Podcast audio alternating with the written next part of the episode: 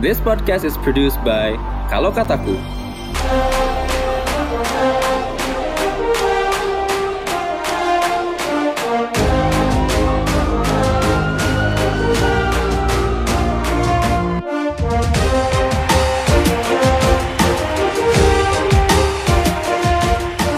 Ya. Kembali lagi di podcast kemarin sore di edisi Gibah di Paris dan Bahana. Eh, di episode kedua kali ini kita akan ya sesuai eh, obrolan kemarin di episode 1 kita bakal hari ini di episode 2 ini bakal bahas tentang eh, gimana cerita kita bisa menang atau di mana kita bakal cerita tentang eh, persiapan kita sebelum kampanye jadi kayak membuat visi misi dan sebagainya lalu juga pembentukan tim kita nanti cara-cara kita yang kita lakukan untuk ya mengkampanyekan diri kan mempromosikan diri kita mengenal diri kita dan juga sampai akhirnya menang gitu kan. Ya ini memang hanya cerita-cerita yang baik aja ya. Kayak gitu. Nah eh nah tadi ya di awal ketika eh, kemarin cerita sebelumnya kan kita udah cerita eh, perjalanan dan juga alasan kita ya kita eh, menjadi calon ketua BEM jadi wakil ketua BEM. Bahana juga udah cerita soal ya sedikit tentang konsolidasinya. Akhirnya eh, kedua himpunan kita gitu kan eh, sepakat untuk kita berkoalisi gitu kan. Eh mungkin sedikit dulu jadi kita, kita ingetin lagi waktu itu lawan kita adalah dari teman-teman himpunan disebutkan.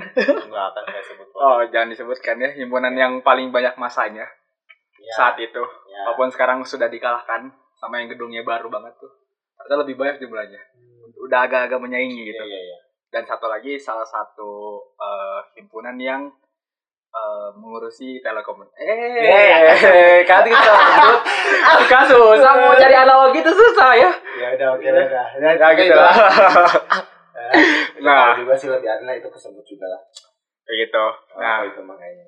waktu itu eh pertama nih kita pengen bahas tentang konten ya konten yang akan kita bawa eh, saat kampanye itu terkait visi misi dan juga eh, gagasan yang kita bawa Ya. nah waktu itu sebenarnya visi misi ini eh banyaknya dari bahana sebetulnya. Ya tadi teman-teman udah, udah tahu ceritanya memang yang well prepare sebenarnya bahana nih kayak gitu. Kalau saya nggak well prepare jadi tulisannya acak-acakan entah di mana akhirnya dipungut-pungut lagi dikumpulin lagi baru dirapin lagi eh, pas yang ini setelah udah sepakat kita untuk koalisi gitu. Jadi visinya waktu itu adalah aksi BEM Kema Polban yang dinamis Ya. untuk Avatar dan Bangsa Indonesia. Alhamdulillah masih inget karena emang kita kerjakan gitu ya. Ya. Selalu selalu kita Itu bawa yang gitu. jadi jadi apa ya motor penggerak paling utama karena visi itu kayak harus kayak nafas lah bahasanya jadi Hmm. harus benar-benar selalu diingat gitu aksi BEM Kema Polban yang dinamis untuk Almater dan bangsa Indonesia bukan hanya menjiplak atau mengikuti tahun sebelumnya Hmm. atau melihat sekedar melihat dari kampus lain yang nggak bisa dipungkiri waktu itu ya saya dan Bang Faris nggak cuma iya ngelihat pasti ya nggak Bang? Jadi pasti ngelihat kan waktu itu. Dan emang sebenarnya waktu itu ya tadi sudah disinggung juga sama Bang Faris ya. Emang waktu itu kebetulan itu saya memikirkan itu waktu itu pribadi sebelum gabung sama Bang Faris. Misi itu udah ada. Bang Faris lebih banyak membantu di misi waktu itu. Yang awalnya saya buat hanya empat jadi enam. Iya. Nah, di situ banyak ditambah-tambahin lah di situ. Tapi visinya waktu itu ya saya sendiri yang memikirkan bersama partner saya yang dulu. Nah, di situ awalnya ada tiga, tiga planning, tiga planning visi awalnya. Hmm, apa tuh? Jadi awalnya itu pertama saya buat dari yang paling pendek redaksinya, paling sedang dan paling panjang. Paling pendek itu cuma kayak gini doang. Aksi Polban yang dinamis untuk Indonesia atau apa gitu. Saya lupa Oke. pokoknya pendek aja. Saya itu ngeliat dari visinya teman-teman Undip 2015, oh satu 2016. Eh, pokoknya sangat singkat Iya, mereka, iya, iya. sangat aksi Undip untuk apa? Pokoknya singkat. Dari situ saya terinspirasi awal kata aksinya itu. Saya dalamin lagi dan oh iya aksi itu artinya ini, artinya seperti itu dan oh maknanya banyak. Akhirnya saya ambil kata aksi. Yang kedua yang sedang itu yang alhamdulillah yang terpilih sekarang, yang saya pikirkan, yang saya renungkan, oke ini sepertinya yang paling pas untuk di Polban karena kalau terlalu pendek dengan kondisi Polban yang saat itu pasti dikritisi, pasti dikritik. Panjang juga Semua ya dikritik ya. Juga sih panjang lumayan. Tapi yang panjang pun waktu itu nggak panjang-panjang banget, cuma ya akhirnya waktu itu diputuskan yang sedang lah. Aksi BEM Kema Polban yang dinamis untuk Almater dan Bangsa Indonesia. Ini ini langsung ceritain kenapa visinya itu. atau Langsung aja kayaknya. Mungkin kalau teman-teman uh, dengar ya tadi dari redaksi Bahana, ya aksi mah jelas ya. Ya, Karena ya. kalau kita nggak aksi bukan eksekutor namanya, Betul, ya kan? betul. Itu simpel. Terus ya BEM Kemal Polban karena itulah eh, tempat kitanya eh, bergerak ya kan, gitu. Ya. wadahnya kita nih Ya, sesuai dengan ya kita mau jadi apa kan. ya betul. Terus eh, dinamis, nah dinamis ini sebenarnya juga mungkin jadi turunannya ya nama Ya. kabinet kita gitu, Ya. bergerak penuh. Dan memang terjadi dinamis Ya. gitu ya sepanjang kepengurusan luar biasa. Banyak banget itu cerita-cerita. saya kira tuh mikirnya tuh cuman pas sebelum pemira ya udah sisanya tinggal kayak kita ngatur timeline ya kalau ada apa ya hal yang berubah nggak tuh nggak begitu banyak ya, tapi tiap hari berpikir gitu betul. benar nggak sih Betul. tiap hari itu jadi berpikir jadi ya jadi bener-bener dinamis tuh kejadian gitu makanya bisa dibilang visi itu kayak apa ya kayak mimpi kita juga Iya, harapannya pengennya benar-benar. gini gitu Iya, betul betul. kejadian bener gitu kan Do- benar. doanya tuh Doa. nyampe gitu kan nama dan visi itu nama kabinet dan visi itu kayak doa ini sedikit ini aja cerita singgungan kan bang Faris bilang tadi setiap hari mikir saya pun ya berat badan turun 10 kilo ngurus Oh, iya? turun 10 kok saya tidak ya?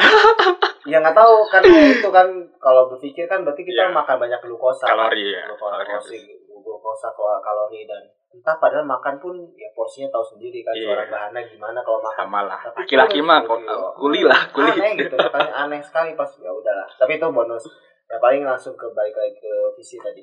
Ya terakhir ya jelas uh, untuk alma mater Bank Indonesia karena memang kita tidak hanya apa ya tidak hanya ingin berkarya untuk hmm.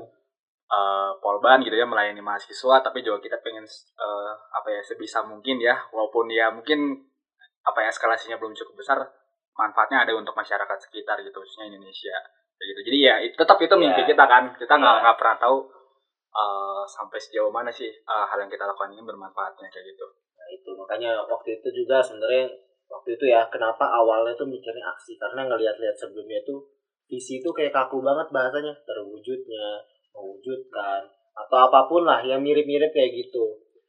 Nah terinspirasi dari beberapa kampus yang sudah luar biasa BEM-nya menurut saya waktu itu ya jadinya ya salah satunya dari Undip itu sih ya. Memang terima kasih terima kasih BEM Undip 2015 kalau nggak salah. Waktu itu saya rajin ngedownload downloadin video-video profil. Sama pak. Sama Hmm. sama sama. Karena itu salah satu sumber. Ya ibaratnya kita kalau membuat sesuatu matang ya kita cari bahan makanannya yang banyak lah ya. Iya. ibaratnya biar kita kita punya resep tapi ya kita harus cari bahan makanan yang terbaik dari seluruh penjuru dunia. Jadi waktu itu saya coba downloadin berbagai macam video profil BEM ya download download download liatin satu-satu kaji. Saya baca juga buku tentang organisasi bagaimana manage organisasi dan lain-lain bagaimana membuat visi di Google dan lain saya cari. Ya akhirnya muncullah itu tadi sudah dijelaskan juga secara ringkas oleh Bang Faiz. Aksi. Aksi siapa? BEM Kemal Polban. Yang seperti apa? Yang dinamis untuk siapa? Untuk Almata dan Bangsa Indonesia. Itu sangat singkat jelas padat dan itu sudah mewakili semua pergerakan yang ada di BEM.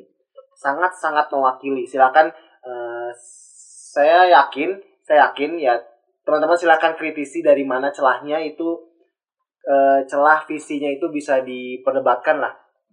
Kaitkan dengan misi dan juga pergerakan-pergerakan di bergerak penuh ya silakan nanti misi akan kita bahas pergerakannya juga akan kita bahas tapi memang itu yang sangat sangat sangat mencerminkan pengurusan pengurusan kita di tahun 2017 kemarin di kabinet bergerak penuh 2017 gitu nah itu jadi eh, penjelasan misinya eh visinya sorry ya Nah, tentu dari visi eh, turun ya, itu bentuk peng- eh, bentuk pengimplementasiannya adalah Hmm. di keenam misi yang telah kita buat Betul. kayak gitu. yang pertama nih, kita akan bahas eh, misinya satu-satu dan juga eh, bentuk implementasinya kayak gitu. Nah, yang pertama kita punya misinya itu adalah memperkuat kinerja internal organisasi yang progresif berdasarkan kekeluargaan. Nah, kalau dari bahasanya ini, ini memang eh, tentunya di awal ya eh, apa namanya ketika kita ngurus organisasi kita Hmm. nggak bisa ngelupain namanya internal organisasi kita gitu kan betul karena eh, ya SDM kita di sana gitu ketika Ya. SDM kita nggak bagus Nggak nggak akan bisa bikin sesuatu yang bagus juga Iya, gitu kan betul. Untuk misi satu ini memang kita eh, titipkannya ini adalah ke eh, kita nyebutnya sekarang eh bukan sekarang ya waktu itu kita nyebutnya biro gitu. Biro, ya. karena kita eh, bukan maksudnya membedakan tapi memang fungsinya beda gitu. Biro ini memang kita arahkan ya tadi eh, sebenarnya banyaknya di internal gitu. Jadi mengurus hal-hal ter- eh, terkait administrasi baik keuangan dan kesekretariatan lalu juga tentang sumber daya dan eh, penyebaran informasi gitu. Makanya eh, misi satu ini memang diturunkan itu ke teman-teman di kalau kita punya namanya badan khusus manajemen sumber daya kabinet ini turunan dari kabinet sebelumnya yang bagus banget gitu ya. Terus eh, ada biro apkes administrasi kese- kesekretariatan. Hmm. suka susah ya ngomongin itu ya. suka di, di mana-mana belep belepotan gitu. Gak pernah lancar sampai akhir kepengurusan. Sekarang juga nggak nggak lancar gitu terus ada biro komunikasi informasi Hmm. atau kominfo eh, dan terakhir eh, biro keuangan nah ini kita waktu itu kita ganti dulunya eh, namanya kesra Hmm. keuangan dan wirausaha nah waktu itu kita ganti karena eh, kita ngerasa kalau untuk beban terkait em, apa ya membangun jiwa wirausaha di Polban itu udah ada teman-teman UKM virus gitu Oke. tapi nggak bisa kita eh, kita tetap eh, berkoordinasi sih dengan teman-teman Ya. virus gitu kita eh, bantu untuk Tetap ada virusnya di dalamnya mah. ya tapi kalau internal jelas gitu kan jelas. karena bang Harus kita lah. dari sana gitu kan bang kita dari sana gitu penghasilan. kayak gitu jadi nah kalau misi satu ini memang eh, murni ini untuk internal organisasi Ya. aja kayak gitu Sedikit tambahan juga terkait misi satu. Jadi waktu itu definisi definisi biro itu kan kalau saya cari itu lebih ke kantor. Nah sebenarnya ini lebih ke psikologi psikologi ini sih kalau saya tangkap tuh psikologi di BEM, di polbannya. Biro tuh saya ambil sebagai kantor ibaratnya yang memang di belakang panggung. Jadi ya memang teman-teman biro itu yang memang mereka di belakang panggung dan inti dari organisasi tersebut. Jadi ada penspesialan sedikit lah. Sebenarnya bukan dispesialkan, memang mereka bagian dasar dari organisasi itu. Karena kalau bayangin teman-teman, nggak ada adkes, Oke, bukan adkes, nggak ada administrasi. Apakah nanti program kerja di departemen, 6 departemen yang nanti akan kami sebut itu akan berjalan? Contoh, proker, eh, program kerja apa pun lah ya di departemen yang memang eh, turun ke mahasiswa. Kalau nggak ada administrasi nggak akan jalan.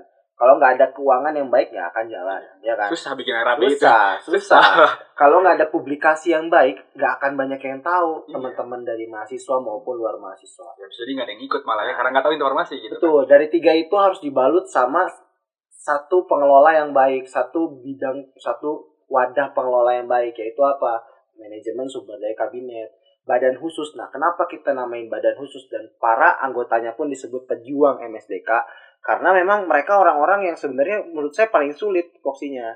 Karena ya ngurusin orang. iya, gitu. orang Walaupun itu. yang lain juga ngurusin orang ya departemen lain, Iya. tapi mereka pure ngurusin orang, bagaimana mengkaderisasi orang, bagaimana mengapresiasi orang, mengamati orang, ngasih poin dan lain-lain.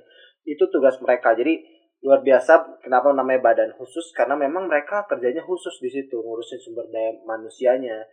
Itulah itu sih sedikit tambahan Bang. Jadi itu kenapa namanya biro dan badan khusus manajemen sumber daya kabinet. Eh, untuk misi satu ini kalau secara konkretnya ya kita bicara konkret yang kita bangun yang barunya itu adalah eh, waktu itu kita kayaknya baru ya kita mem- memunculkan SOP SOP. Betul. Nah kebetulan kita juga eh, nyonteknya adalah dari Undip gitu. Iya, Memang Banyak, bagus banget gitu iya. Undip tuh ya Iya. secara secara pengelolaannya bagus gitu. iya. Kita buat banyak SOP terkait SOP eh, soal pamflet harus seperti Iya. apa, penyebaran informasi itu Betul. harus seperti apa. Teman-teman dari departemen dari teman-teman biro mau buat pamflet pun Ya, ada- ada, ada aturan mainnya, ada nggak prosedurnya, bisa- nah, nggak bisa asal minta kayak ini tahu-tahu minta dadakan ke kominfo. Teman-teman kominfo suka curhat gitu kan. Karena kebetulan ya waktu itu eh, wakil ketua bem lah yang membawahi teman-teman biro ya kan.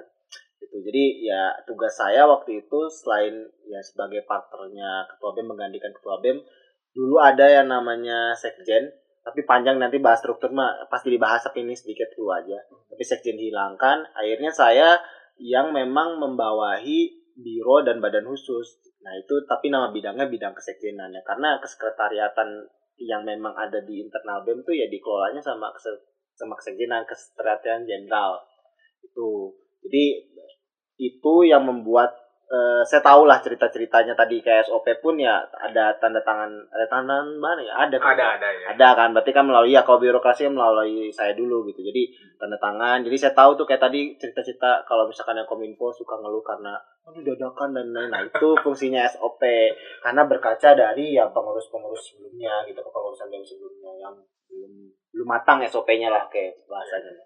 Ada aturan tapi nggak Tidak di- tertulis. Iya, tidak tertulis Iya. gitu. Jadi kita rapikan lagi. betul Terus ya tadi ada juga ya eh, SOP keuangan dan Hmm. juga kalau SOP akses ini udah lama ya sebenarnya. udah Iya kan. ada Iya dirapin lagi. ya lah, gitu. dirapin Sama tapi dari MSTK juga buat ya kalau salah lupa.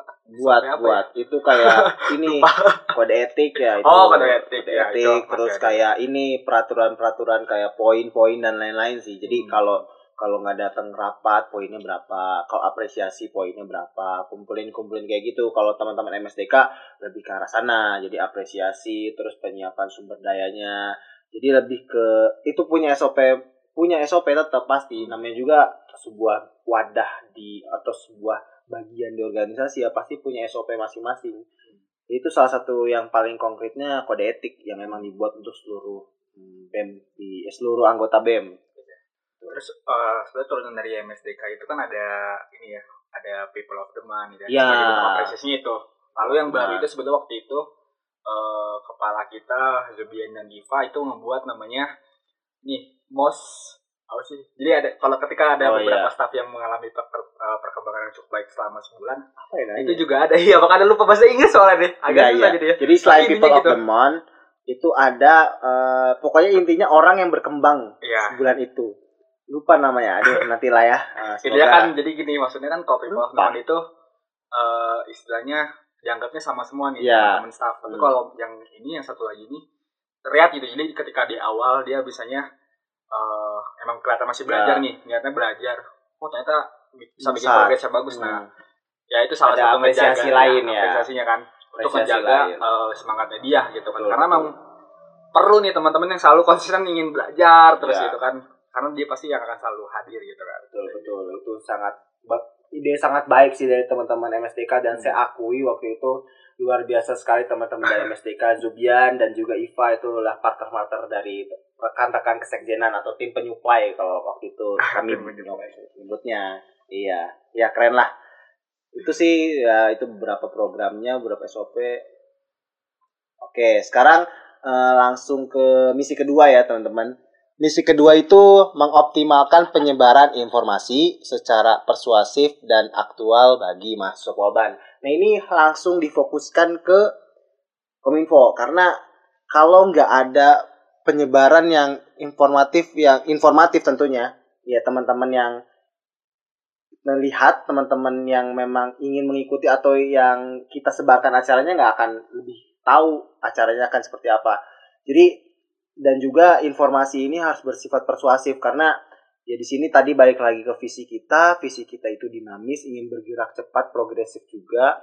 Jadi harus ada hal-hal yang bisa menarik menarik teman-teman dari mahasiswa Polban khususnya untuk mengikuti acara atau menjalankan informasi atau hanya sekedar tahu lah. Hanya sekedar tahu informasi yang kami berikan. Nah, ditambah aktual. Nah, itu aktual itu jadi setiap ada info, oke ada proker ini, kita kasih tahu, ada pergerakan ini kasih tahu. Terus ada info tentang beasiswa kasih tahu, kasih tahu. Nah, itu dari aktual itu yang memang kita Kominfo pun jadi tergerak untuk nantinya bergerak cepat. Jadi selain harus persuasif, mengajak, harus aktual juga. Nah itu penyebaran informasinya harus masif. Nah itu misi kedua tadi fokus ke teman-teman Kominfo. Ada tambahan? mungkin sedikit tambahannya gini dulu beruntungnya kita itu pas 2013 itu adalah eh, Instagram tuh lagi banyak perkembangan waktu Ya, itu ada story, Story. terus ada live jadi wah pas Story banget belum, ya. eh, story story, belum, belum, live dulu ya atau apa ya Eh, Ya, lupa. ada Belum, story. story belum. Story itu eh, inget banget itu. Tuh- tengah-tengah ya Enggak, story itu pas kita mau demis. oh iya ya iya. Ingat des November Desember eh, udah. Oh, udah, udah, udah ada. ada. Oh, yang, yang yang baru tuh highlight, sorry. oh halah ya, ya ya highlight, highlight. Gitu. Story udah ada, lupa, lupa, lupa. jadi emang ya ini ya beruntung aja sih kita gitu ada fitur yang media sosial yang udah cukup bagus gitu kita tinggal bisa memaksimalkan di sana lah kayak gitu intinya tapi sebenarnya kalau kominfo tadi sih eh, cara kita persuasif tadi udah ditekankannya itu lewat SOP gitu jadi Ya. udah kesusun rapih dari awal kayak gitu harus seperti apa penyebaran informasi nah lanjut nih misi ketiga menjalin kolaborasi antar elemen kema polban pada setiap program dan pergerakan. Nah ini kalau ini sebetulnya nggak ada terkhusus tapi semuanya. Karena kita selalu uh, nekenin uh, apa ya segala sesuatu ya harus uh, ketika kita bisa kolaborasikan kenapa enggak gitu. Hmm. maksudnya adalah ya kita kan maksudnya BEM juga uh, walaupun memang dikirimkan orang-orang terbaik gitu ya dari seluruh elemen kema polban baik dari teman-teman himpunan dekatan dan juga UKM gitu tapi kita juga eh, nggak semuanya punya apa ya keahlian kita nggak semuanya ada gitu jadi Iya. kita selalu eh, apa ya alhamdulillah banyak bantuan lah kayak gitu nah bentuk konkretnya eh sebelum itu sebelum bentuk konkretnya sebetulnya misi ini juga kalau dikaitkan ya dengan tujuan kemah Polban itu sangat mendukung untuk eh, tujuan kedua yaitu mempersatukan seluruh mahasiswa Politeknik Negeri Bandung. Jadi eh, contohnya apa ya? Kalau konkret itu, ah ini inovasi kita nih yang memang beda. Pertama eh, ada Polban Cup. Mantap. Polban Cup ini adalah eh, ajang kompetisi olahraga untuk teman-teman SMA, SMK sederajat. eh, untuk kalau waktu zaman bergerak penuh itu baru mencapai Bandung Raya, Kota Bandung, Kabupaten Bandung Barat, Kabupaten Bandung, dan Kota Cimahi. Nah, ide ini sebetulnya dulu saya dapetin pas lagi masa kampanye ketika eh, coba mendatangi teman-teman ketu- ketua UKM waktu itu. Oke, ya. Ada yang menyarankan, oh kenapa nggak digabung aja nih Hmm. eh, beberapa UKM olahraga yang ada di Polban karena memang waktu itu masih terpisah-pisah gitu. Ya. Ada dulu tuh ada badminton, terus eh, futsal, basket, sama satu lagi tuh apa? Lupa. Futsal. futsal, basket, badminton, Voli. Volley ya volley. Keempat itu masing-masing punya kompetisi sendiri gitu. Tapi Iya. eh, Bisa. kita berpikirnya adalah ya karena terpisah itu brandingnya nggak dapet Ya, nih. Nah, makanya akhir itu eh, khususnya Polban itu. Makanya ketika uh, ngelihat kondisi seperti itu, oh bener sih mending digabungin gitu Ya. kan. Jadi uh, secara administrasi pun gampang jadinya ketika kita ada kegiatan, uh, kita mau mengirim surat undangan sebagai peserta ke, uh, ke SMA SMK itu, jadi langsung satu gitu. Formulir ini juga bisa dititipkan bareng-bareng kan. Dan memang alhamdulillahnya waktu itu ya karena mungkin masih permulaan sebenarnya udah udah cukup banyak sih walaupun ada beberapa cabang eh di beberapa bukan, cabang olahraganya di cabangnya cabangnya lagi olahraga Ya. tuh kayak badminton kan ada apa ada apa lagi tuh tunggal ganda gitu. kayak itu ada beberapa yang masih kurang tapi nggak apa-apa Eh, nah itu salah satunya dan sekarang alhamdulillah ternyata katanya lagi mencoba untuk mencapai provinsi Jabar sih Gitu. sama teman-teman pengurus sekarang kayak gitu. Terus yang kedua itu implementasinya ada di eh, Culture Art Festival. Nah ini kita eh, coba ngegabungin teman-teman UKM seni kayak gitu. Waktu itu baru tiga. UKM ya, ada Kabayan, terus ada teman-teman musik musik Kingdom dan juga teman-teman PSM waktu itu. Pada saat awal itu waktu itu ada lombanya tari, terus lomba video nggak salah, saya agak lupa sama lomba band kalau nggak salah kayak gitu. Baru tiga itu dan itu juga sama sih eh, targetannya, tapi ini lebih besar dari SD sampai SMA gitu di beberapa cabang. Itu salah satu implementasi dan sebenarnya banyak sih, tapi kalau secara yang besar itu kayak Ya, gitu. paling itu aja lah. Soalnya kayaknya nanti kalau cerita ini ngalir nanti di episode selanjutnya ya. Iya. Sih, karena itu bakal banyak banget cerita-cerita lika-liku selama mengurus lah. Iya. Dan itu mungkin episode terpanjang mungkin. itu nanti aja lah. Di part kayak mana Ya, Di yang part jelas aja. yang jelas gini.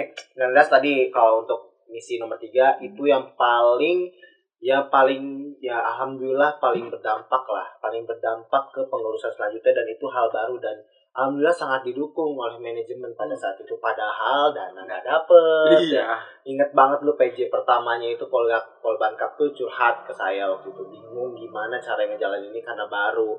Ya dikasihlah treatment-treatment dari saya dan juga teman-teman dari departemennya waktu itu kadetnya kadep PSDM di bawah PSDM yaitu kadepnya bekas Sultan kasih Sultan. treatment-treatment dan alhamdulillah berjalan dan sangat didukung dan sekarang pun berjalan. Kultur art masih nggak sih Mas?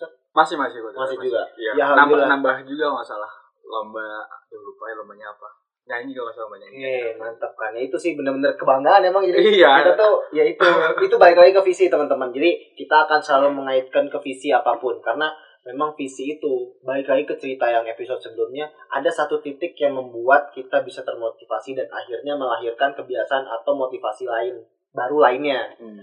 Nah, ini salah satunya visi ini yang benar-benar kayak memotivasi kami dan bergerak penuh untuk terus bergerak dinamis dan ya alhamdulillah mantap lah jadi ya itu suatu kebanggaan ya suatu kebanggaan buat kami pribadi ketika banyak program-program barunya yang memang berjalan. Oke, itu misi tiga. Hmm. Misi empat. keempat, melakukan advokasi dan pelayanan yang responsif. Nah, ini lebih fokus ke Departemen Advoham. Jadi, sebenarnya kalau misalkan di teman-teman perhatiin ya, kan kalau misalkan tiap tiap tahun itu tiap kita setiap oke bukan tiap tahun selama kita menjadi mahasiswa kita harus bisa mengadvokasikan hal-hal penting nah di Advoham itu waktu kami ada dua divisi divisi kebutuhan dasar dan juga eh, advokasi apa sih? Advokasi kebijakan kampus. Nah itu AKK kalau disingkat advokasi kebijakan kampus. Nah itu oke, nah itu nantinya dua itu dua divisi itu kalau kebutuhan dasar itu gini teman-teman, coba teman-teman bayangkan. Advokasi paling penting itu ada tiga. Yang maksud nah, maksudnya paling penting itu yang paling mendasar yang harus dimiliki mahasiswa. Pertama yaitu divisi eh, PD1, PD1 itu akademik.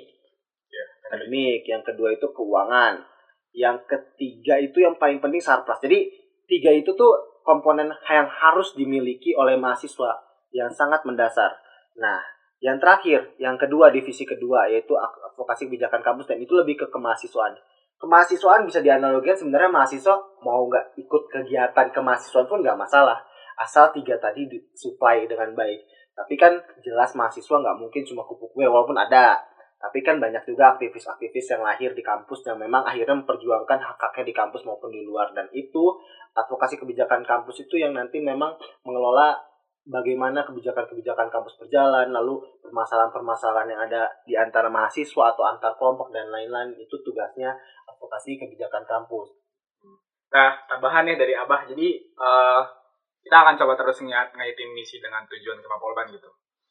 Kalau misi keempat ini khususnya memang eh, ada satu cara kita untuk coba menggapai tujuan pertama eh, untuk mendukung eh, mendukung terwujudnya pendidikan nasional. Nah, bentuknya itu ya tadi sebenarnya spesifiknya di teman-teman eh, divisi kebutuhan dasar Ya. gitu kan. Karena kita nggak mau ada anak polban yang susah bayar UKT, Betul. kita nggak mau eh, pengurusan beasiswa ribet orang-orang nggak nggak nggak tahu informasinya dan juga informasi-informasi layanan yang- eh, pelayanan gitu ya dari pihak kampus kayak gitu. Dan juga ini mendukung tujuan Kemapolban yang keempat eh kelima sorry. Melindungi kepentingan dan memperjuangkan hak-hak mahasiswa Politeknik Negeri Bandung berdasarkan peraturan yang ada. Dan jelaskan ini sesuai juga dengan nama eh, Departemen Advokasi gitu kan advokasi hak asasi mahasiswa kayak gitu.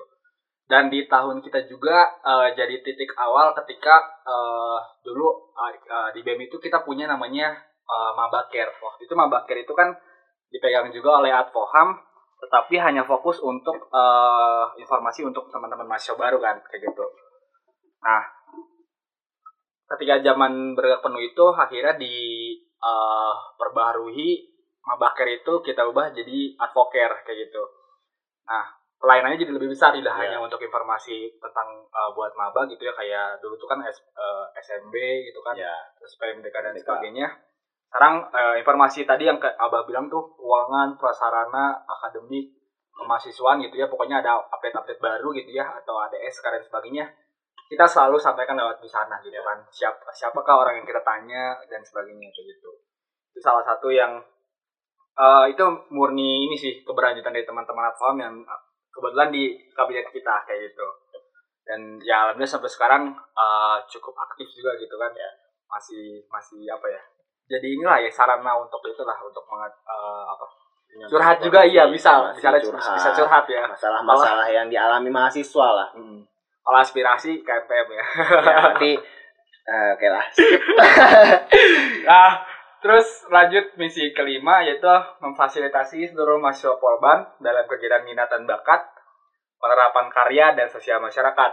Nah, untuk misi lima ini kita eh, minta bantuan untuk dari teman-teman dari Departemen Pengembangan Sumber Daya Mahasiswa atau PSDM dan juga Departemen Sosial Masyarakat atau Sosma gitu. Nah, tujuan kelima ini eh sorry, misi kelima ini sesuai dengan tujuan ke eh tiganya Kema Polban yaitu untuk menumbuh kembangkan kreativitas mahasiswa untuk pengabdian kepada masyarakat gitu. Jadi eh ini apa ya salah satu bentuk apa ya bentuk nyata kita untuk bangsa Indonesia gitu lewat sini gitu. Waktu untuk misi kelima ini dulu apa ya saya lupa inovasinya apa ya PSDM dan PSDM Tadi tadi, udah- oke, udah sebut- salah sebut satunya Polban Cup. Terus Oh, PSDM ini. tuh banyak, sebenernya PSDM tuh banyak, oh, banget.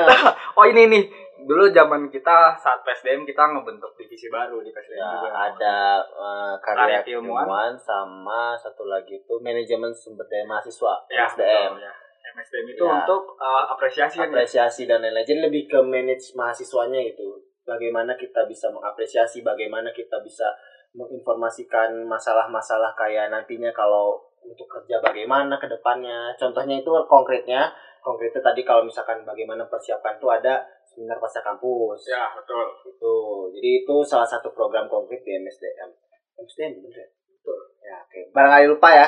Nah, dua tahun yang lalu. Terus udah gitu, ya tadi karya keilmuan tuh kita punya Ini eh, forum forum karya keilmuan, forum kekar dulu lah. Kalau nggak salah. enggak namanya jadi rumah kak eh rumah kak Itu mah, oh, per- yang selanjutnya. Oh, yang selanjutnya ya. Itu ya. iya. Tapi intinya masih ada Masih kan? ada. Itu Masih ada. awalnya dari kita. Jadi forum karya keilmuan itu ya fungsinya memang nantinya mewadahi teman-teman yang memang ingin berkarya dan juga ingin mendalami keilmuannya. Contohnya lomba-lomba, Hmm. terus ya PKM program kreativitas mahasiswa lah contoh konkretnya atau ya kegiatan-kegiatan lomba lainnya kalau di sipil ada KJI, kalau di eh, teman-teman listrik mesin dan lain itu ada KMLI dan lain-lain. Tapi itu agenda eh, pusat sih. Cuma itu salah satu contohnya atau lomba-lomba lain lah seperti itu. Kalau untuk sosma itu waktu itu bukan inovasi sih, tapi kita uh, akhirnya meng- mengangkat Polban mengajar jadi Oh, program iya. kerja kayak betul gitu. betul. Yang sebelumnya hanya pergerakan ya. Ya hanya pergerakan yang uh, hanya sekali dua kali bahkan gitu di tiap kepengurusan gitu. Tapi di uh, zaman kita uh, itu Polban mengajar jadi sebulan sekali. Ya, mulai direncanakan sebulan sekali. Direncanakan sebulan sekali ya. Tapi ya banyak evaluasi-evaluasi juga Ya, yang tapi kita akhirnya- coba inilah ya, coba memperbanyak perbarui. apa, kuantitasnya gitu kan Betul. pengajarannya gitu. Betul. Terus apa lagi ya? Sosma apa yang baru ya? Sosma itu sebentar. Kayak harus sambil lihat tapi dokumennya Ya, mungkin nanti lah ya kita Nanti kita agak lupa. lebih. Mungkin nanti bakal lebih didalamin ketika di eh, episode selanjutnya lah ya. Tapi ini lebih kita bagaimana kita mengemas visi dan misi kita dan di eh, diimplementasikan ke departemen-departemen lain. Dan ini langsung ke misi terakhir. Misi terakhir kami yaitu meningkatkan respon mahasiswa Poban dalam menyikapi isu dalam dan luar kampus. Jadi kita ingin ini juga ada mirip-mirip lah. Ini didukung disupport oleh misi kedua. Misi kedua kan tadi mengoptimalkan penyebaran informasi. Nah di sini dari optimalnya penyebaran informasi diharapkan respon mahasiswa Polban itu terkait isu dalam dan luar kampus itu cepat. Dan ini dikelola dipegang oleh eh, Departemen Dalkam untuk dalamnya, Departemen Sospol untuk luarnya, dan juga HUPX itu untuk lebih ke gimana apa sih? Eh, membangun relasi Oke. dengan apa teman-teman mahasiswa yang lain, terus juga dengan pemerintah, dengan pihak swasta gitu ya, pengusaha ataupun dengan komunitas Nah, komunitas. itu nantinya itu bisa dijadikan ya itu respon mahasiswa ketika tahu ada info-info seperti itu tuh bagaimana. Nah, dengan ditingkatkannya respon mahasiswa Polban, ini nantinya yaitu sebenarnya kalau misalkan dilihat dari pengalaman, alhamdulillah dari dalam khususnya ya. Karena Polban tuh kalau isu dalam tuh sangat kental sekali ya. Jadi responnya wah bukan bukan kita nggak perlu ditingkatin deh kayak bahasanya. Tapi memang itulah oh, berarti ya cukup tercapai outputnya. Tapi ya itu hanya isu dalam. Isu luar waktu itu kita sudah coba coba ya eh, departemen sospol luar biasa karena yang saya ingat tuh atau bang koreksi kalau saya hitung-hitung sendiri departemen sospol itu satu-satu departemen yang tupoksi berjalan 100% sehingga saya kalau misalkan dilihat itu ya. Dihitung-hitung waktu itu setelah dihitung walaupun MPM nggak nggak nanya hitung-hitungannya. Tapi yang jelas ya waktu itu eh, saya ngitung itu sendiri sospol yang berjalan. Nah sospol tuh banyak pergerakan-pergerakannya kayak ada mari Jumat merapat dan lain-lain. Nah itu untuk meningkatkan eh, isu isu luar kampus mahasiswa Polban tapi memang masih menjadi PR hingga saat ini ya menurut saya bahwa respon mahasiswa Polban terkait isu luar kampus tuh harus ditingkatkan. Tapi mungkin mungkin sebenarnya ini sedikit melenceng juga ya kalau tahun ini mungkin eh, meningkat ya karena adanya isu politik kemarin Oh, untuk tahun ini. Tapi itu kan sudah tidak mungkin menjadi sokongan persentase untuk misi bergerak penuh karena waktu itu belum ada waktu itu zaman apa ya 17 tuh pilkada ya. ada pilkada tapi nggak begitu banyak. Iya, nggak begitu baik. Jadi emang misinya pun disokongnya eh, lebih banyak kalau misi ini disokong persentasenya. Ada perhitungan persentase lah itu nanti bakal dibahas di, di eh, segmen lain. Jadi emang dibayarkan dari dalam kampus karena luar kampus itu masih menjadi PR dan emang saya akui sih belum begitu banyak ya isu-isu luar kampus yang bisa ditingkatkan oleh mahasiswa. Tapi ada, tapi ada dan emang selalu berusaha lah dari departemen sospol dan Ya. eksternal. tadi benar kata abah kalau untuk eh, luarnya itu di teman-teman sospol itu sebenarnya ada ada sih inovasi dari teman-teman sospolnya sendiri. Hmm, waktu itu mereka menginisiasi eh, diskusi keilmuan. Jadi meng Oh iya, teman-teman benar-benar. Itu mantap gitu ya. misalnya itu ngaitin juga tuh ke tadi menjalin kolaborasi. ya betul. Ini Betul, salah satu banget, contohnya. banget. waktu itu kayaknya ada deh tiga tiga diskusi bidang kalau nggak salah. Baik infrastruktur terus ada juga tentang kelistrikan Ya. waktu itu sama Mekarta yang Oh, Jakarta. juga ada ya. Pokoknya eh, itu pertama kali ada yang benar-benar kita bisa eh, menjandingkan BMX himpunan apa himpunan Ya. apa untuk diskusi dan ya. ternyata cara itu cukup Iya, efektif betul, sih betul. karena itu benar, minimal benar, kan benar. ada masa himpunan Iya benar juga. yang datang kan kayak gitu dan lupa lupa ingat saya. rame sih. Iya Gitu. benar-benar. Saya beberapa kali datang, wah luar biasa. Iya benar. Jadi minat ternyata ternyata dari eh, ternyata ya itu sebenarnya BEM tuh harus bisa menggali potensi Hmm. kalau saya lihat. Jadi alhamdulillahnya ya sadar di situ. Waktu itu dengan adanya eh, apa ya, diskusi-diskusi bidang keilmuan yang diadain oleh Sospol, contohnya Mekarta yang saya ingat. Dulu Mekarta tuh ngundangnya HM eh, oke nggak apa sebut HMAN, Himas sama satu lagi yang JTK ikut ya sih? enggak sih. Enggak, pokoknya yang, yang saya ingat pas apa ya ya. Pokoknya yang saya ingat tuh hanya HMAN dan Himas. Nah itu mereka dari dua sudut pandang yang berbeda. Lupa yang pro ke P kata siapa dan ke yang tidak tuh yang pro dan kontra saya lupa siapa pihak mana saja. Tapi yang jelas itu hidup diskusinya. Dan memang itu sebenarnya menjadikan eh, oke kalau bisa dibilang eh, untuk apa ya eh, meningkatkan eh, popularitas masing-masing himpunan lah bahasanya bahasa Iya. sopannya. Ya ini bentuk apa ya? Ajang arogansi yang baik Iya, sebenarnya ya. sebenarnya mau nyebut itu, gitu. tapi saya saya haluskan menjadi meningkatkan popularitas lah. Soalnya kan arogansi sebenarnya definisinya buruk, bukan buruk ya, Eh, kurang baik, ya, kurang baik, negatif. konotasinya negatif. Jadi saya bilangnya meningkatkan popularitas saja lah, gitu kan. Karena memang karena memang ya meningkat gitu bener dengan diskusi itu, jadi bukan hanya ya meningkatkan popularitas yang pada umumnya seperti tahun-tahun sebelumnya. Yang mungkin teman-teman Polban pasti tahu ketika mendengar. Tapi memang ya meningkatkannya dari segi pemikiran juga. Dan itu yang sangat luar biasa. Karena memang zaman sekarang ya kita harus banyak seperti itu. Diskusi-diskusi seperti itu harus ditingkatkan. Gitu. Ya, jadi nah itulah. Itu udah sampai kita udah sampai ke misi keenam. hmm. Itulah eh, visi misi dan juga eh, apa ya gagasan yang kita bawa itu Ya. selama kampanye. Ya. Nah, itu setelah itu adalah hasil penyamaan persepsi. Jadi Yap. sebenarnya ada ide saya yang nggak kepake, ada ide bahan yang Ya. nggak kepake, tapi eh, sebenarnya bisa saja kita serahkan, cuma nggak ada yang bertanya bah gitu. iya betul tapi Cuma dulu ada yang banyak yang bertanya, Ya. jadi ya udahlah. jadi gini sih sebenarnya kan tadi visi misi udah Hmm, tadi juga sempat disinggung misi ini untuk departemen ini misi ini untuk departemen ini. Jadi kalau saya simpulkan ya saya simpulkan kami simpulkan sebenarnya ya memang yang paling utama yang harus dibuat itu pertama visi. Visi itu harus benar-benar dibuat. Nah visi itu buatnya gimana caranya? Ibaratnya teman-teman jadi koki aja. Kalau teman-teman koki berarti teman-teman punya resep kan? Tapi teman-teman harus cari bahan makanan sebanyak-banyaknya. Cari cari cari.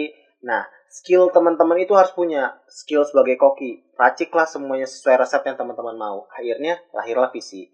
Dari visi nanti buat lagi misi. Misi itu nantinya menjadi visi untuk departemen-departemen tadi yang terkait.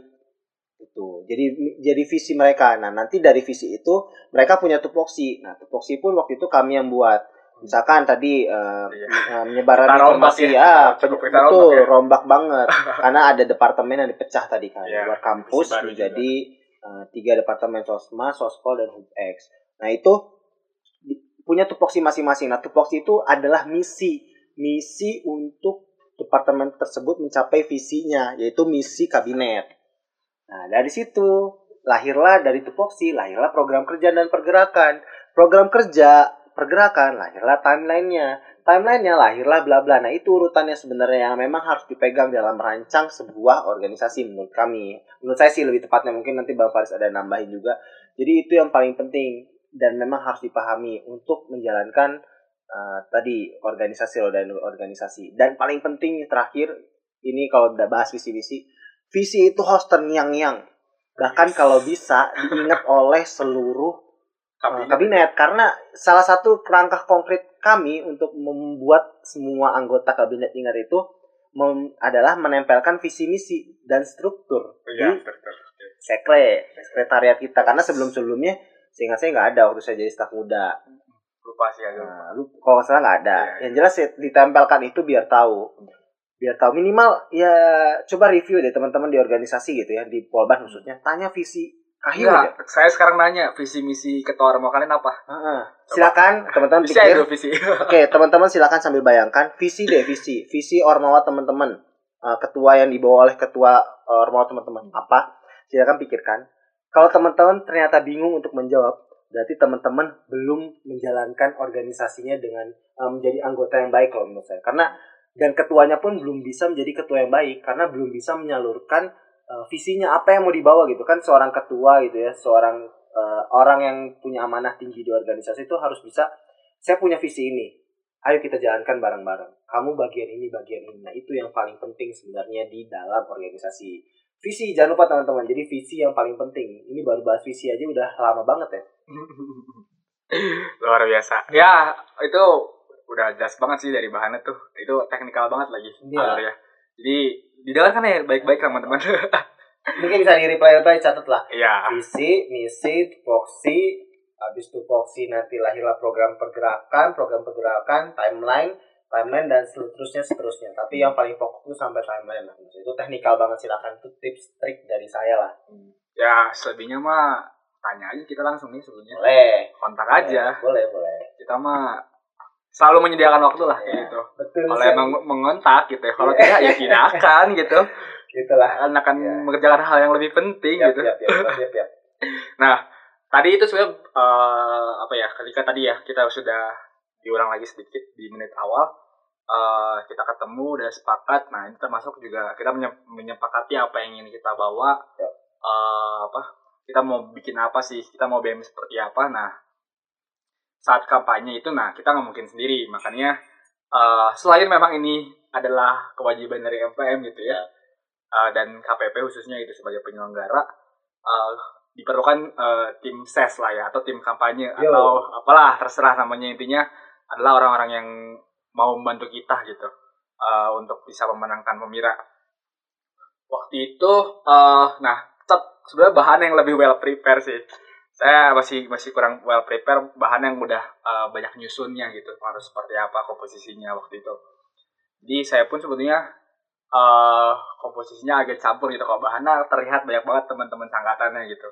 Nah, kalau saya tuh dari yang maba ada gitu. Iya. di bawah ada satu tingkat setingkat juga ada kayak gitu. Jadi campur gitu.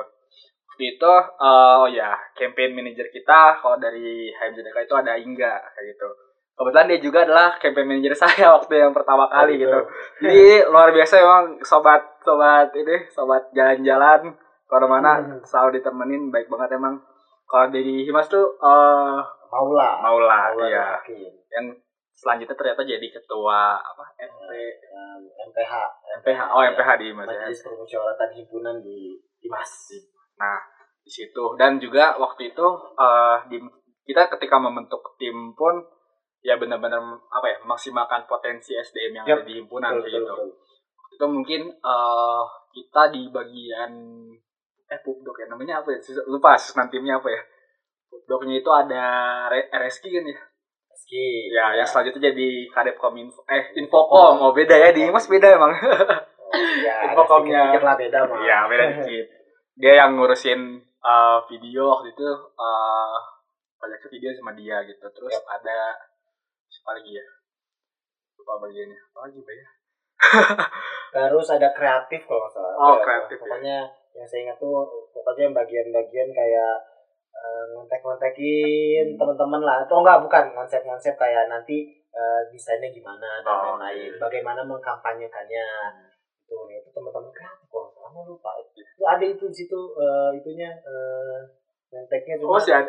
Oh iya itu ya. iya cuma cuma lupa ya? bagian-bagiannya lupa Hmm. udah lama tiga tahun yang lalu gitu jadi tapi yang jelas ada yang bagian-bagian kayak gini contohnya gini waktu itu kita sampai buat bali banner buat banner di parkiran Oke. Deket banget tuh. Tuh. Tapi taruh bener bah tahan dulu bentar. Gua ora eh, saya mau cerita sedikit juga timnya. Waktu itu juga kita memikirkan sampai sejauh ini. Waktu itu kita memikirkan gimana nih kita eh, cara dapetin suaranya eh, anak maba waktu itu atau Iya. angkatan 2016. Iya. Akhirnya ketika ngobrol-ngobrol-ngobrol ditemukanlah eh, Ibu Estri wah. Dan katanya iya, iya. sudah memang cukup Oh, terkenal iya. ya dari dari saya nyebutnya mereka. teteh teteh estri Teteh kalau teteh denger teh aduh assalamualaikum teteh Iya. Dan selanjutnya ternyata punya gelar, Bah. oh iya sebagai Ratu Kema. Aduh, penerusnya angkatan Bang Paris ya ada kan oh iya. Putri Kema itu Oh Putri Kema, beda-beda. Tapi memang entah ya karena kita nggak pernah kita ukur ini mungkin bisa jadi bahan penelitian ya. Ya. Pengaruhnya Esri sepertinya cukup kuat gitu Betul. karena ternyata eh, kita dapat banyak suara dari maba di jurusan yang sebetulnya kita paling takut gak dapat suara gitu. Ya. Ya, lawan Ya. dari lawan kita. nanti itu di terakhir di terakhir Di kita. terakhir. oke. masalah tapi suara dia dia apa ya jadi poin apa ya jadi salah satu anggota yang cukup penting Ya. gitu Ya. buat buat ini gitu terus juga sebenarnya waktu itu ada dulu ada Icat dia itu waka, eh, pas zaman kita jadi wakaim uh, tekim dia waktu zaman tur jurusan itu yang suka ngasih pandangan eh eh, bang harusnya kalau ngomong gini gini gini loh gitu ya sikapnya juga kayaknya kurang enak nih Hmm. kurang bagus nih. Ke depan jangan gini bang. Oke oke. Dia jadi banyak nasehatin lah gitu terkait sikap penyampaian dan sebagainya gitu. Jadi wah alhamdulillah gitu dapat orang yang bener-bener Yap. tidak hanya kompeten tapi bener-bener mau bantu gitu ikhlas membantu kayak gitu. Itu ya secara garis besar sih seperti itu sih. Selebihnya kan sebetulnya nyesuaiin lagi sih sama kebutuhannya gitu kan. Ya. gitu. Tapi ya alhamdulillahnya cukup kuat lah tim tim kita gitu nah terus sekarang nih strategi kampanye tadi kepotong bah. Gimana tuh baliho tuh? Dulu gimana kita? Iya jadi banner ya. eh banner oke banner. banner. Baliho kegedean banner di parkiran itu sebenarnya idenya Maula sih Oh. campaign manager dan ada tim kreatifnya namanya Anggoro. Eh, Anggoro itu calon calon ketua himpunan. Di Mas tapi ya belum beruntung lah. Jadi tapi ya jadi dia enggak jadi apa-apa sih. Oh ini dia jadi jadi ketua ketua KPP-nya lah ketua KPP Dimas untuk kepengurusan persiapan Kahim di tahun 2016 Kahim angkatan 16 tapi sebenarnya ya sangat berpengaruh sih. Powernya itu cukup ada eh, beliau gitu. Beliau sosok Anggoro jadi dia juga yang ngasih ide-ide masukan waktu itu ke saya pribadi harus begini-begini dan sama Maula juga. Akhirnya buatlah banner desainnya dibuatin dipikirin sama Reski tadi yang buat video dan lain-lain banyak sih sebenarnya tim-tim ininya ya, tim kampanye. Ada waktu itu Afdal juga ada gitu Oh, kan. Afdal. ya banyaknya sebenarnya waktu itu ya balik tadi udah disinggung juga wah, udah well prepare karena saya udah nyiapin mereka dari dua bulan sebelum kampanye gitu. Teman-teman yang emang pengen bantu dan alhamdulillah ya seperti itulah. Banyak sih sebenarnya tapi yang saya ingat itu ya wah, maaf banget kalau misalnya dengar terus nggak kesebut gitu ya. Tanpa mengurangi rasa hormat juga tanpa mengurangi apresiasi ya teman-teman sudah sangat luar biasa menjadi tim kampanye ya tapi ya waktu itu sangat berkesan banget sih. Oh ini official account. Oh, buat official account. Di Terus line di line, line Iya juga. juga. Tapi paling aktif di line. Di line oh ada ini Zahra waktu itu. Eh, tapi banyak lah. Jadi tiba-tiba ingat tapi yang jelas banyak lah. Oh iya Iya, ada iya. Ara waktu itu. Ya dia yang ngolah Syamil nah ini yang nggak boleh lupa disebut. Nah, iya. pembuat eh, ide bergerak satu tujuan nama nama slogan kita lah Slogan pas kampanye ya. pas kampanye dan juga pesawat itu Iya. pesawat lucunya itu nah, itu eh, bapak Syamil yang buat. Jadi ya itu ide-idenya banyak sih sebenarnya gitu. Aduh nanti tahu-tahu keungkap lah gitu. Walaupun belum keungkap nanti semoga keungkap di selanjutnya. Jadi itu kalau untuk kampus eh, kampanye Eh, terus kalau misalkan udah ada tim nih langsung kayak strategi strateginya sebenarnya kalau misalkan waktu itu ya tadi selain baliho official account akhirnya diikuti oleh eh, paslon sebelah gitu buat official account. Hmm. kita lebih kayak eh, waktu itu lebih ke ini sih jadi eh, karena apa ya jadi kampanyenya itu karena waktu itu sebenarnya gimana ya bahasanya Takut- takut takut Takut salah. tadi kayak arogansi pun lagi dipikir nih. Eh, ya, ya. gini deh gini. Jadi waktu itu eh, dipetakan dulu ini udah dipetakan dulu ya. Oh oh ini ini nanti kira-kira bisa dimasukin himpunan ini himpunan ini himpunan ini. Nah waktu itu bukan waktu itu sampai saat ini ada 13 himpunan satu ikatan. Betul. 13 himpunan satu ikatan. Dua udah pasti dukung kita ya kan Dimas dan HMJTK dua lagi tuh harusnya juga sudah pasti mendukung satunya. Ya. tapi kenapa saya ngomong, ngomong harusnya? Karena ya ada ada sesuatu lah tapi nanti di akhir harusnya menang tapi nanti ada sesuatu nah harus udah dua itu oke tinggal 10 nah di plotting nah dulu waktu itu eh, ini langsung terjurusan aja bahas terjurusan Iya, kalau Bang. Oke, Sambung jadi aja. jadi sebenarnya waktu itu ada beberapa himpunan, dua himpunan tuh yang sebenarnya kuat mendukung. Tapi saya nggak akan sebut nama himpunannya, tapi clue saja. Warnanya mirip. Mereka berdua warnanya mirip. Kalau saya sebut satu clue lagi pasti ketahuan. Tapi Oh iya, warnanya mirip. warnanya mirip. Warnanya mirip dan mereka eh, pertama ketika terjurusan ke himpunan yang warnanya agak lebih cerah, kan mirip tapi ada yang cerah dan gelap, yang agak cerah. Mereka ngomong mendukung paslon satu waktu itu kita nomor satu ya Nomor satu, ya. satu nomor satu yang kedua ketika datang ke yang agak gelap mereka pun bilang sebenarnya secara tidak langsung mendukung mengapresiasi karena di akhir waktu itu ada sedikit drama lah di situ sedikit drama Selalu sih, ya, selalu. ada sedikit drama kita nyamperin mereka yang warna gelap itu terus ya mereka mengapresiasi tindakan eh, nyamperin kita yang ke eh, nyamperin kita yang mengapresiasi a- drama menyamperin itu. Gitu. Dan akhirnya sebenarnya tidak dukungan di situ. Ya syukur gitu. Jadi dua himpunan itu. Yang lain sebenarnya lebih di, menjual ke kayak program nggak terlalu sih. Program pun cuma gitu-gitu aja. Tapi ada sisi lain sebenarnya. Ini perlu langsung bahas ya sisi lainnya kema Boleh, boleh, boleh. Jadi, langsung aja langsung. eh gimana ya?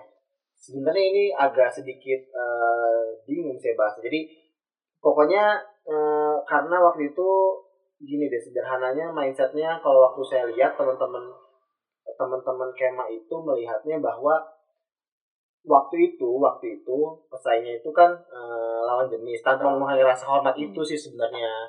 Jadi saya takut salah ngomong kan. Tanpa mengurangi rasa hormat itu banyak yang berspekulasi bahwa oh saya ah, saya nggak mau punya kabinnya perempuan padahal saya pun mengakui bahwa pesaing saya dan Bang Faris itu bagus banget gitu Hebat. hebat hebat Hebat, hebat, hebat, gitu hebat hebat banget lah hebat Dari banget. dari ketegasan mungkin dia lebih baik. gitu. iya lebih baik gitu lebih baik jadi sebenarnya itu karena itu terlihat. karena mindset itunya sih sayangnya ya ini buat masukan teman-teman juga barangkali nanti eh, di tahun ini ada calon wanita yang bagus lihatnya lebih objektif lah gitu. Oke. lebih objektif ke substansinya. Betul, program substansi program Apa yang mau apa dibawa? yang mau dibawa bukan masalah background yang udah terbawa dari lahir itu nggak akan bisa diubah. Jadi itu sih yang sebenarnya uh, bisa membuat menang terus juga selain tadi ya bang Faris nyinggung nyinggung kayak uh, ada estri yang ini. Sebenarnya uh, saya tidak memungkiri waktu itu ada hari gini deh ceritanya waktu itu. Ada yang bilang gini ke saya bah alhamdulillah ya.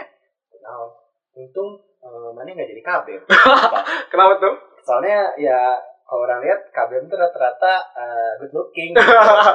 Aduh good looking good looking gitu kan.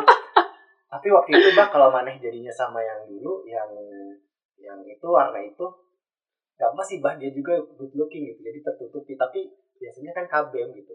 Jadi ya udah gitu. Alhamdulillah untungnya maneh jadi wakil ya bisa dibilang kampret sih tapi ya tapi benar juga. Nah itu saya nggak pungkiri ya waktu Iya. itu bang Faris dengan good lookingnya bisa menarik masa maba. Itulah gitu kan. Jadi itu sih salah satu dampak kemenangannya. Jadi kemenangannya terus juga eh, dari segi ini sih eh, strateginya. Kita membawa eh, poin-poin yang memang eh, sensitif tapi eh, bisa dikelola dengan baik. Jadi enggak si isu sensitif pasti ada tapi kita menanggapinya menanggapinya. Karena pasti isu kayak isu 14.10 terus isu jam malam dan lain-lain itu pasti akan ada setiap tahun tapi bagaimana kita menyikapinya. Nah itu penyikapannya itu yang penyikapan dari segi bahasa sih lebih ke retorika. Karena kalau dilihat emang sebenarnya eh, masa kema tuh masih melihat retorika yang baik. Ya tapi sebenarnya nggak salah sih karena substansi yang kita bawa pun konteks eh, program-program yang bawa pun nggak akan bisa tersampaikan dengan baik tanpa retorika yang baik. Nah, di situ program-program itu sebenarnya waktu itu nggak terlalu dilihat sih waktu itu. Iya, nggak nggak nggak terlalu keangkat. sih. nggak terlalu Nggak keangkat karena karena eh, panasnya tuh pasti karena isu-isu kayak ada porsinya atau tidak terus ada ada kema tuh 10 atau 14 dan lain-lain jam malam itu semua yang sering diangkat tapi ya no problem ya kita mempersiapkan itu mempersiapkan itu dan coba membawa retorika yang baik di situ sih salah satu strateginya taman ya Iya, lengkap sih, lengkap banget sama bahannya sih. Jadi kalau kalau apa ya? Mungkin kalau untuk uh, kita secara uh, apa ya kegiatan pengira itu rangkaian itu jurusan pun memang memang seperti itu gitu. Jadi pertanyaannya memang mirip-mirip.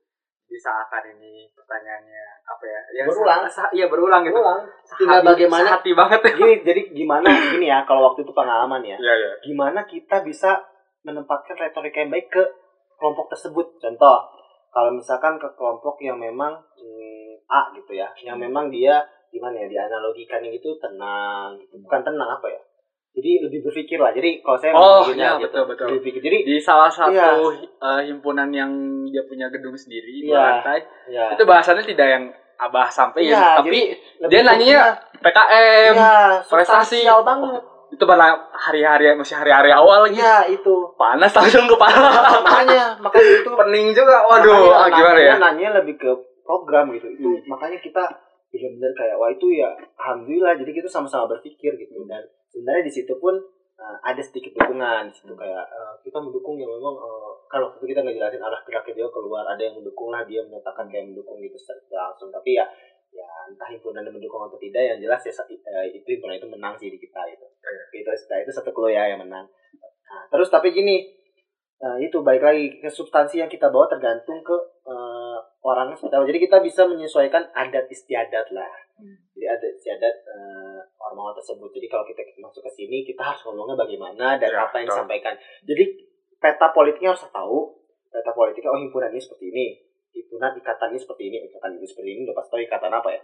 Himpunan ini seperti ini, himpunan ini seperti ini, himpunan seperti ini. Oh, ormawa ini, oke ormawa aja. Ormawa ini seperti ini, seperti ini, seperti ini oh kita menyikapinya seperti ini, oh mereka seperti ini, nanti mereka bakal nanyanya kayak gini pasti.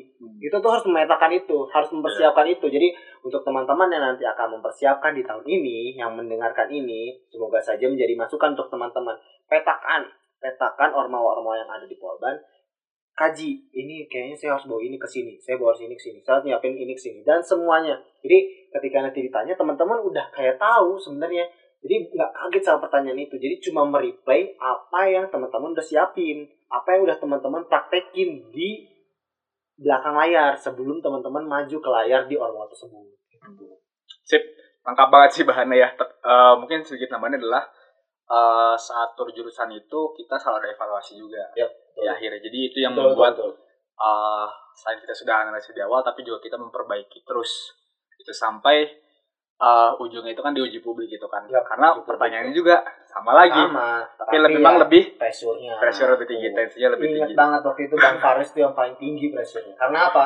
Karena Bang Faris dua kali. betul Ya dulu waktu pun waktu itu walaupun jauh ya. Maksudnya kan satu-satu gitu. ya awal ada yang satu-satu ada yang barengan Nah, waktu saya itu ingat banget Bang Faris udah mati lampu sih enggak ya nggak dapet belum ya enggak nggak dapet nah waktu itu nah, saya kebagiannya pas nyala awalnya terus tiba-tiba ada salah satu audiens tuh bahas aksi. Bahas aksi. Kamu berani nggak aksi? Ya saya jawab tidak gitu. Aksi apa dulu? Karena pertanyaannya nggak jelas aksi. Tiba-tiba pas di lagi bahas aksi itu mati lampu mati itu listrik SC tuh. Dak ada biasa polban mati jam 8 lebih gitu kalau nggak salah masih jam 8 langsung wah mati tuh. Kamu berani nggak sini nih? Advokasi bla bla dia tertekan kan entah kenapa yang ya saya berusaha tenang tiba-tiba jadi menjawab iya saya siap. Kapan? Berani nggak besok? Saya jawab iya juga di situ. Tapi waktu itu ada yang membela jangan besok kamu bisa nggak kalau misalkan nanti setelah kamu dilantik tujuh hari atau delapan ya beberapa hari setelah dilantik? Saya jawab iya. Tapi walaupun itu tidak terrealisasi tapi akhirnya ada aksi ada aksi. Ya janji itu terrealisasi tapi akan dibahas nantilah Gitu. jadi sebenarnya itu bang Faris tapi kalau ya bang Faris itu banyak cerita. Kalau saya gitu jadi pas mati wah tekanannya banyak Eh, terus ya gitu kalau di ke- di Polban kan masih kayak kamu nanti kalau berapa kesalahan apa konsekuensinya? Konsekuensi. Aduh. Ya jadi itu Iya. sih sebenarnya cerita-cerita yang emang itu jadi cerita sih. Tapi sebenarnya jadi kayak pressure kita untuk menjawab lebih baik sih. Cuma ya kurangilah kalau menurut saya kurangilah substansi-substansi yang sebenarnya kayak itu tuh bukan kesalahan tapi jadi kesalahan contoh mengandai-andai mungkin tuh berandai-andai bukan ada yang bilang iya ada yang bilang bukan ah macam-macam lah jadi ketika ngomong mungkin berandai-andai jadinya uh, masuk poin gitu kesalahan. Jadi hal-hal kayak gitu tuh sebenarnya yang kurang substansial tapi sering dibahas dan sering jadiin kesalahan. Jadi kalau menurut saya kurang-kurangin kayak gitu ya bang. Jadi Betul. lebih ke substansial aja kesalahan. Misalkan dia substansialnya ngomongnya malah bahasa bahasa lebih santai atau apalah misalnya bahasa Jawa atau eh, bahasa Sunda atau apa bukan bahasa formal lah. Itu mungkin ya kurang juga gitu. Jadi ya itulah yang substansial aja lah kalau ada kesalahan-kesalahan. Kalau di uji publik buat saya itu yang paling beda adalah dia ngebandinginnya sama pemila di satu tahun sebelumnya itu adalah waktu itu kan eh, sendiri kan ya. Nah, tahun ini kan sepasang koalisi. oke. Sebenarnya paling memorable dulu uji publik khususnya saat sendiri itu adalah terlihat sekali eh, jalannya politik di tingkat kampus gitu.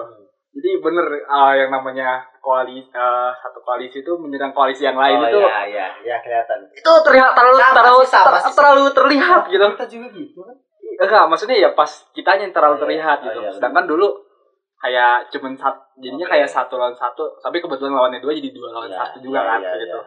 Tapi ini ya, ini eh kelihatan banget kelihatan banget banget. gitu. Dua orang itu saya ingat dua orang itu karena enggak masalahnya karena kenal. Kedua juga sebenarnya salah satu orang yang paling keras banget suara itu adalah dulu di tahun sebelumnya ngedukung saya gitu. ya, ya. Jadi, jadi apa ya? Tahu uji publik itu bener-bener jadi kayak bener apa ya salah satu simulasi uh, demokrasi di kampus Ya, tuh betul, kelihatan betul, betul banget banget. gitu kelihatan namanya banget. kita dua warna itu tuh dua warna itu banget itu tapi ya jadi jadi jadi momen sih kayak gitu dan memang akhirnya kan selanjutnya ada juga yang terlihat seperti itu atau tapi itu memang kayaknya mereka tuh nyiapin banget sih gitu. Iya. jadi wah mantap nih pertanyaannya. Set set set. Itu saya waktu itu ya tadi yang diserang kayak berani aksi itu sama eh, dua orang itu. Hmm. dua orang itu yang oke sebut aja sama warnanya dengan paslon eh, sebelah gitu. Tapi ya saya gak akan nyebutin apalah gitu. Oh. tapi udah sebut satu ya ada satu lagi ya tebak aja. Nah jadi emang ya itu dua orang itu ya emang wah mantap banget. Ya sama ketika eh, paslon sebelah naik diserang juga sama himpunan kita. Cuma nggak sepedas mereka ya karena iya. memang posisinya mereka eh, udah senior sih gitu. Hmm. sudah senior sudah eh, tingkat akhir tingkat akhir banget gitu ya. Oke tingkat akhir banget gitu. Banget. Jadi emang powerful banget dan ketika mereka ngomong pun wah bisa dibilang ya diem semua lah gitu. Iya. Karena emang Hmm. powerful banget orangnya Siapa dan diem semua jadi oke diam bertanya bertanya bertanya jadi semua pertanyaan tuh disikat dilibas lah. Ya, gitu, ya kami pun menjawab menjawab menjawab aja gitu. Tapi ya alhamdulillah ya sedikit demi sedikit bisa lah gitu terjawab.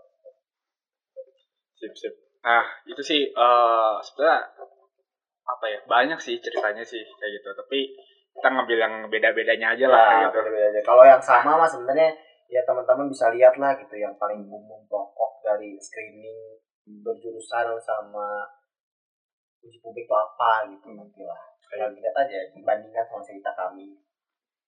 nah jadi itu eh, uji publik itu ya rangkaian terakhir lah kayak gitu Hmm. setelah itu eh apa ya dulu ah dulu eh pertama kali vote ya iya? Hmm, iya, pertama kali vote Yup, ya betul ta- tahun itu adalah pertama kali Iya, vote, betul betul. ini ditemukan oleh teman-teman yang tadi satu jurusan nanya tentang TKM gitu Ya, ya betul. emang mereka sangat luar biasa gitu. eh waktu itu ya udah kita ya apa ya udah apa ya rating tulus aja lah kayak gitu nggak tahu siapa yang menang Yep. doa aja tapi ternyata kalaupun kita ya- yakin menang pun nggak nggak nggak apa nggak kaget nih ketika lihat hasilnya gitu Ya. karena ternyata pada saat hasil akhir eh, dirakorkan gitu ya waktu itu kita menang sekitar 65 persen Masalah. 65,98. kayak gitu jadi bisa dibilang sangat telak ya jauh Ya. jauh banget dari 50% kan kayak gitu. Itu kita menang ada 10 jurusan kan di, di Polban. Kita menang 9 jurusan. Tapi tapi ada satu jurusan tuh yang sebenarnya harusnya mendukung paslon sebelah hmm, dan suaranya banyak itu malah ya entah 30% 40 persennya tuh dukung kita ini gitu sekitar 300 Kali. suara ada 290-an hampir Iya, 300 lah 300. Yang Kaget gitu ya. harusnya kaget lah. Jelas jadi loh loh kok oh gini Loh. tapi justru pasangannya ada pasangan paslon sebelah. Ya tadi disebut kesebut lah kalau misalnya teman-teman masih ingat. Satu jurusan itu ada ada tiga ormawa lah. Hmm. sebut ya udah pasti tahu. Nah itu menang kita. Menang tipis sih kalau nggak salah beda tujuh suara sih kalau nggak salah ya. Datanya ada lah nih tapi ya pokoknya me- menang menang tipis aja. Hmm.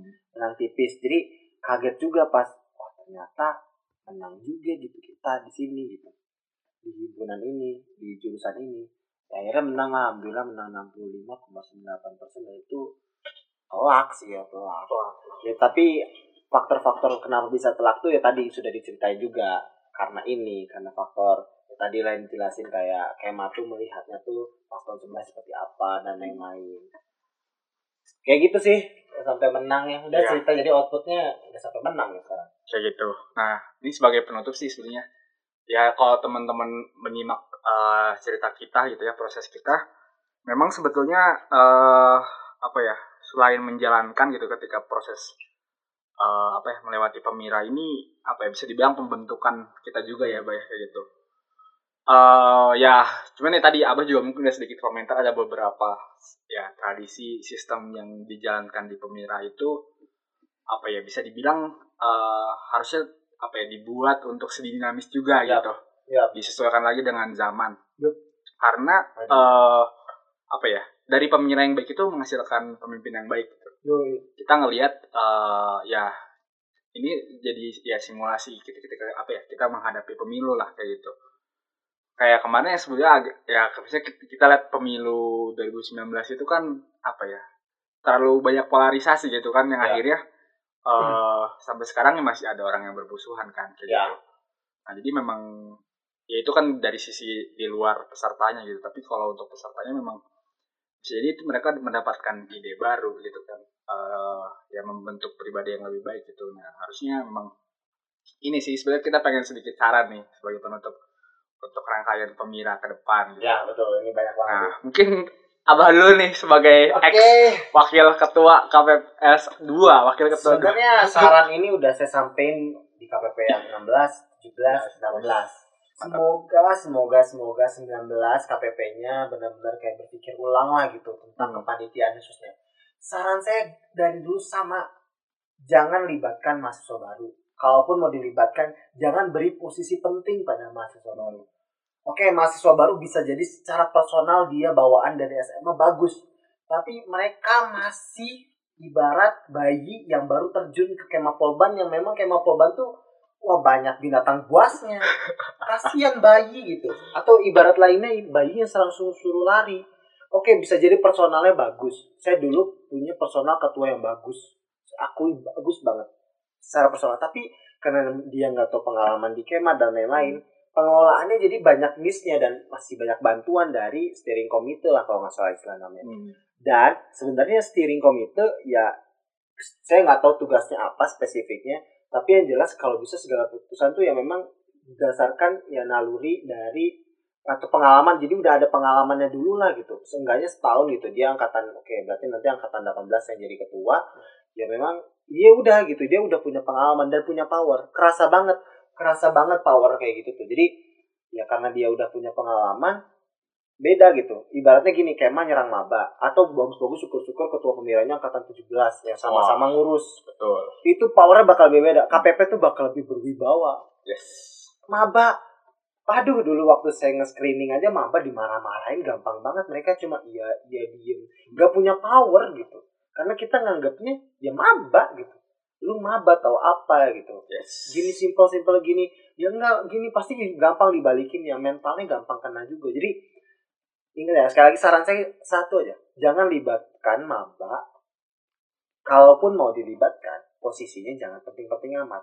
Satu lagi tadi libatkan mahasiswa yang sudah berpengalaman kalau misalkan mahasiswa yang berpengalamannya nggak ada yang mau dan lain-lainnya pikirkan gitu. Silakan teman-teman MPM dan kepanitiaan steering komite dan lain-lain penanggung jawabnya silakan pikirkan bagaimana biar KPP ini gak terus-terus dikritisi gitu. Ini dari sampai alumni alumni BEM pun mengkritisi gitu. Karena emang masalahnya gitu-gitu aja sih Iya. bang. Ini enggak terus terus berulang jadi seakan menghadapi dejavu gitu ya. Apalagi yang 4 tahun di kampus pasti bakal bosan aduh bosen. Karena banget bosen cerita banget. ceritanya eh selalu jadi seperti itu gitu. Yap, dan betul.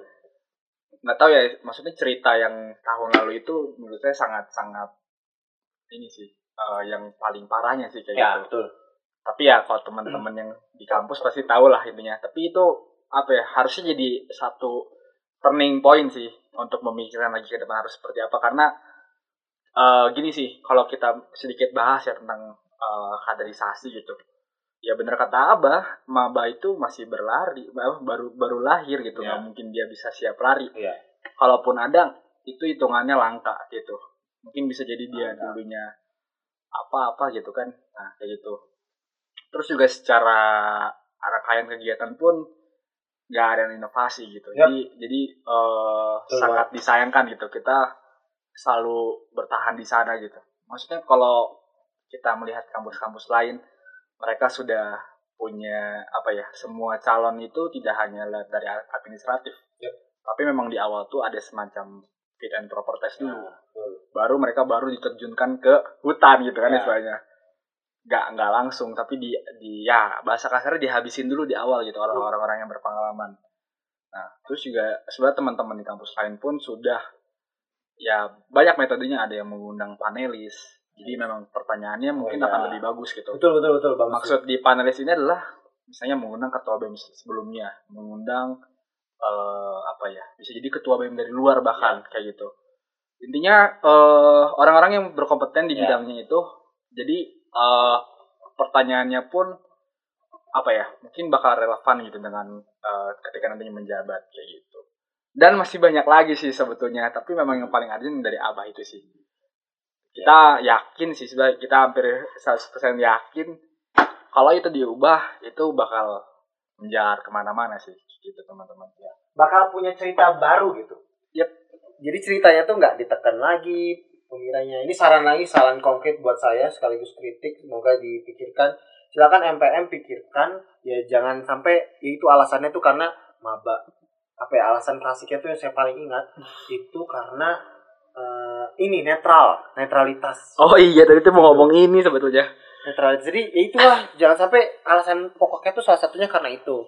Ya mungkin ada alasan-alasan lain tapi coba silakan beranikan punya gebrakan baru. Jangan sampai udah ngeliat pengalaman kemarin kemarin nanti KPP sekarang kayak gini.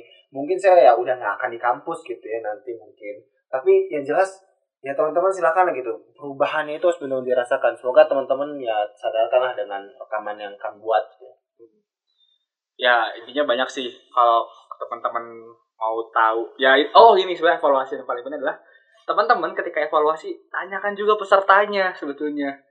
Jangan pernah evaluasi hanya dari panitianya aja. Hmm, oke oke. Kan kalian membuat kegiatan untuk untuk orang lain Iya, kan untuk mahasiswanya kan. Iya, tapi betul. peserta pun punya loh perspektif yang lain gitu peserta tuh apa nih berarti cakabimnya ya cakabim dan cowok kabim ya tim saya pun kalau Iya. bisa aja mereka gitu kan ya, evaluasinya mereka benar benar banget Kayak benar gitu. banget benar itu yang eh, masih jarang ataupun kalau ada kayaknya ya nggak tahu sih ya apakah hanya ditulis aja nggak Iya. tahu ya kayak gitu ya semoga ada perbaikan lah aja sih pokoknya kayak gitu Yep. Ya itu aja. Sudah cukup panjang cerita kita. Ya ini aja tapi Pak, ini, ini baru tapi ini emang nggak bisa dipotong. Nggak bisa banget. Ini udah coba kita singkat singkat sih ya. Oh. tapi nggak juga sih. Yang jelas ini ya kita mengalir aja. Semoga teman-teman mendengarkannya pun mengalir gitu. Membayangkan proses-proses yang kami lakukan. Ya itu sih. Ya gitu ya teman-teman. Di untuk episode 2 Eh, untuk episode 3 nanti kita akan bahas mulai bahas tentang lika-liku kepengurusan. Yep. jadi eh mangga teman-teman juga kalau mau ada yang bertanya agar kita juga tahu apa yang sebenarnya teman-teman butuhkan gitu ya agar bahasan kita lebih mengena boleh kontak eh, saya di @kifarisfasya line eh, apa Instagram kalau Twitter ditambah 17 boleh. WA janganlah kalau WA rahasia ya kayak gitu. Hmm. hanya Ya, teman-teman aja. tentu. itu karena buat urusan bisnis lah kayak gitu. Nah kalau mau nanya abah di mana abah Eh, sama semua rata-rata eh, Twitter Bahana Irianta, IG Bahana Irianta. Silakan di IG aja dulu lah gitu ya. Insya Allah saya pas respon juga gitu di. Jadi silakan bertanya-bertanya lah. Dan ya sebenarnya gini sih kalau saya sih punya pesan terakhir ya untuk teman-teman khususnya organisasi yang tadi sempat kita kelola. Memang kami eh, alumni-alumni atau demisioner organisasi pusat khususnya BEM itu tidak pernah menekan tapi ya seenggaknya ya kita sama-sama silaturahmi gitu lah ya Hmm. gitu. Ngopi-ngopi bareng gitu. Jadi ya itulah gitu perbedaan kami dengan organisasi yang memang di orma-orma himpunan-himpunan dan lain-lain. Ya itu aja teman-teman. Eh, terima kasih sudah mendengarkan. Tunggu episode 3 kita eh, minggu depan. Terima kasih. See you